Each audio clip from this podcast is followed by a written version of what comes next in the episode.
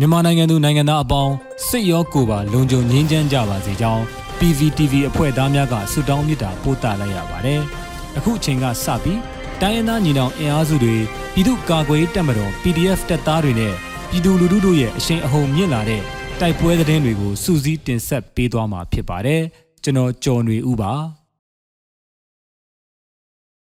ပထမဦးစွာအရတော်ငွေတွေးရွာမှာတက်ဆွဲထားတဲ့စစ်ကောင်စီတပ်ဖွဲ့များဝင်ရောက်တိုက်ခိုက်ခံရတဲ့တဲ့တင်တင်ဆက်ပါမယ်။စကိုင်းတိုင်းအရတော်မြို့နယ်ငွေတွင်းကြီးရွာမှာတက်ဆွဲထားတဲ့စစ်ကောင်စီတပ်ဖွဲ့များကိုစက်တင်ဘာလ15ရက်နေ့မှာဒေသခံကာကွယ်ရေးတပ်ဖွဲ့များကဝင်ရောက်တိုက်ခိုက်ခဲ့ပြီးစစ်ကောင်စီဘက်မှ9ဦးသေဆုံးကြောင်းအရတော်မြို့နယ်ပကဖအဖွဲ့ထံမှသိရပါတယ်။ငွေတွင်းရွာမှာတက်ဆွဲထားတဲ့စစ်သားနဲ့ပြူစောထီးများကိုတော်လှန်ရေးတပ်ပေါင်းစုများကနနက်4:30မိနစ်မှာဝင်ရောက်တိုက်ခိုက်ခဲ့ပြီး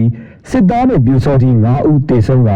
3ဦးဒဏ်ရာပြင်းထန်ရရှိခဲ့ပြီးအဆိုပါအခြေစိုက်စခန်းနေရာကိုတင်းယူမီးရှို့နိုင်ခဲ့ပါတယ်။လက်ပစ်ဘုံတစ်လုံး၊ဖုန်းတစ်လုံး၊ပါဝါဘန့်တစ်လုံး၊စစ်နွယ်တစ်လုံးနဲ့လောက်လေးကွာတစ်ခုတင်းစီရမိခဲ့ကြောင်းသိရတာပါ။ဆက်လက်ပြီးမြန်မာစစ်သားနဲ့ပြူစောတိ10ဦးကိုအလစ်တိုက်ခိုက်မှု6ဦးသေဆုံးပြီးကာပိုင်တနက်တလက်နဲ့ကြီးများတင်းစီရမိတဲ့တဲ့တင်ဆက်ပါမယ်။ မကွေးတိုင်းညိုင်မြို့နယ်မှာပြည်သူကိုအနိုင်ကျင့်နေတဲ့ဝတ်တုတ်ကြီးရွာမှာစစ်သားနဲ့ပြူစောတိ10ဦးကို PDF များကတိုက်ခိုက်ရာစစ်သားနဲ့ပြူစောတိ6ဦးသေဆုံးပြီး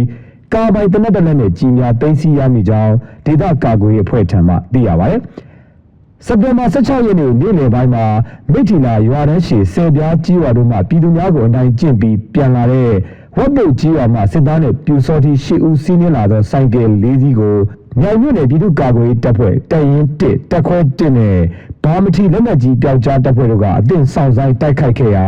6ဦးပွဲချင်းပြီးတေဆုံးပြီး2ဦးအပြင်းထန်ဒဏ်ရာရသွားခဲ့ကကာပိုင်တနက်တလက်ကြီးအိမ်တစ်ခု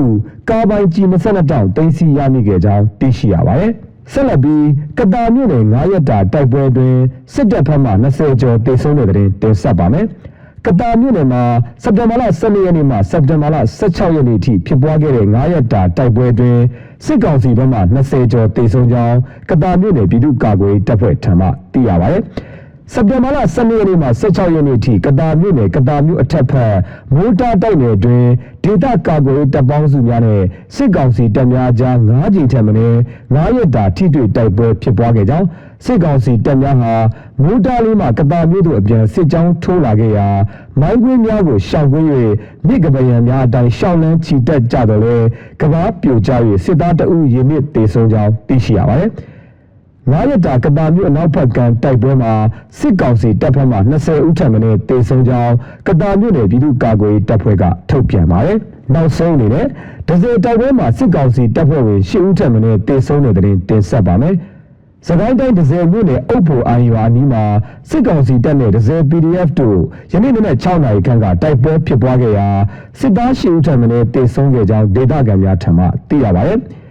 အင်အား60ခန့်ရှိသောတပ်မ33စစ်ကောင်စီတပ်ကိုဒဇယ် PDF ရွှေဘူခရိုင်တပ်ရင်း6နဲ့တပ်ရင်း9တို့ကလက်နက်ကြီးလက်နက်ငယ်များဖြင့်စောင့်ကြိုတိုက်ခိုက်ခဲ့ခြင်းဖြစ်ကြောင်းဒဇယ် PDF ထံမှသိရပါတယ်။တိုက်ပွဲပြီးမှာအုပ်ဖို့အာရွာဘက်သို့ဆက်လက်ချီတက်လာတဲ့စစ်ကောင်စီတပ်ဟာရွာဝင်မှာတိုက်မိုင်းမိပြီး3ဦးထပ်မံတေဆုံးခဲ့ကြောင်းဒေသအကာအကွယ်ရေးအဖွဲ့များကပြောပါတယ်ခင်ဗျာ။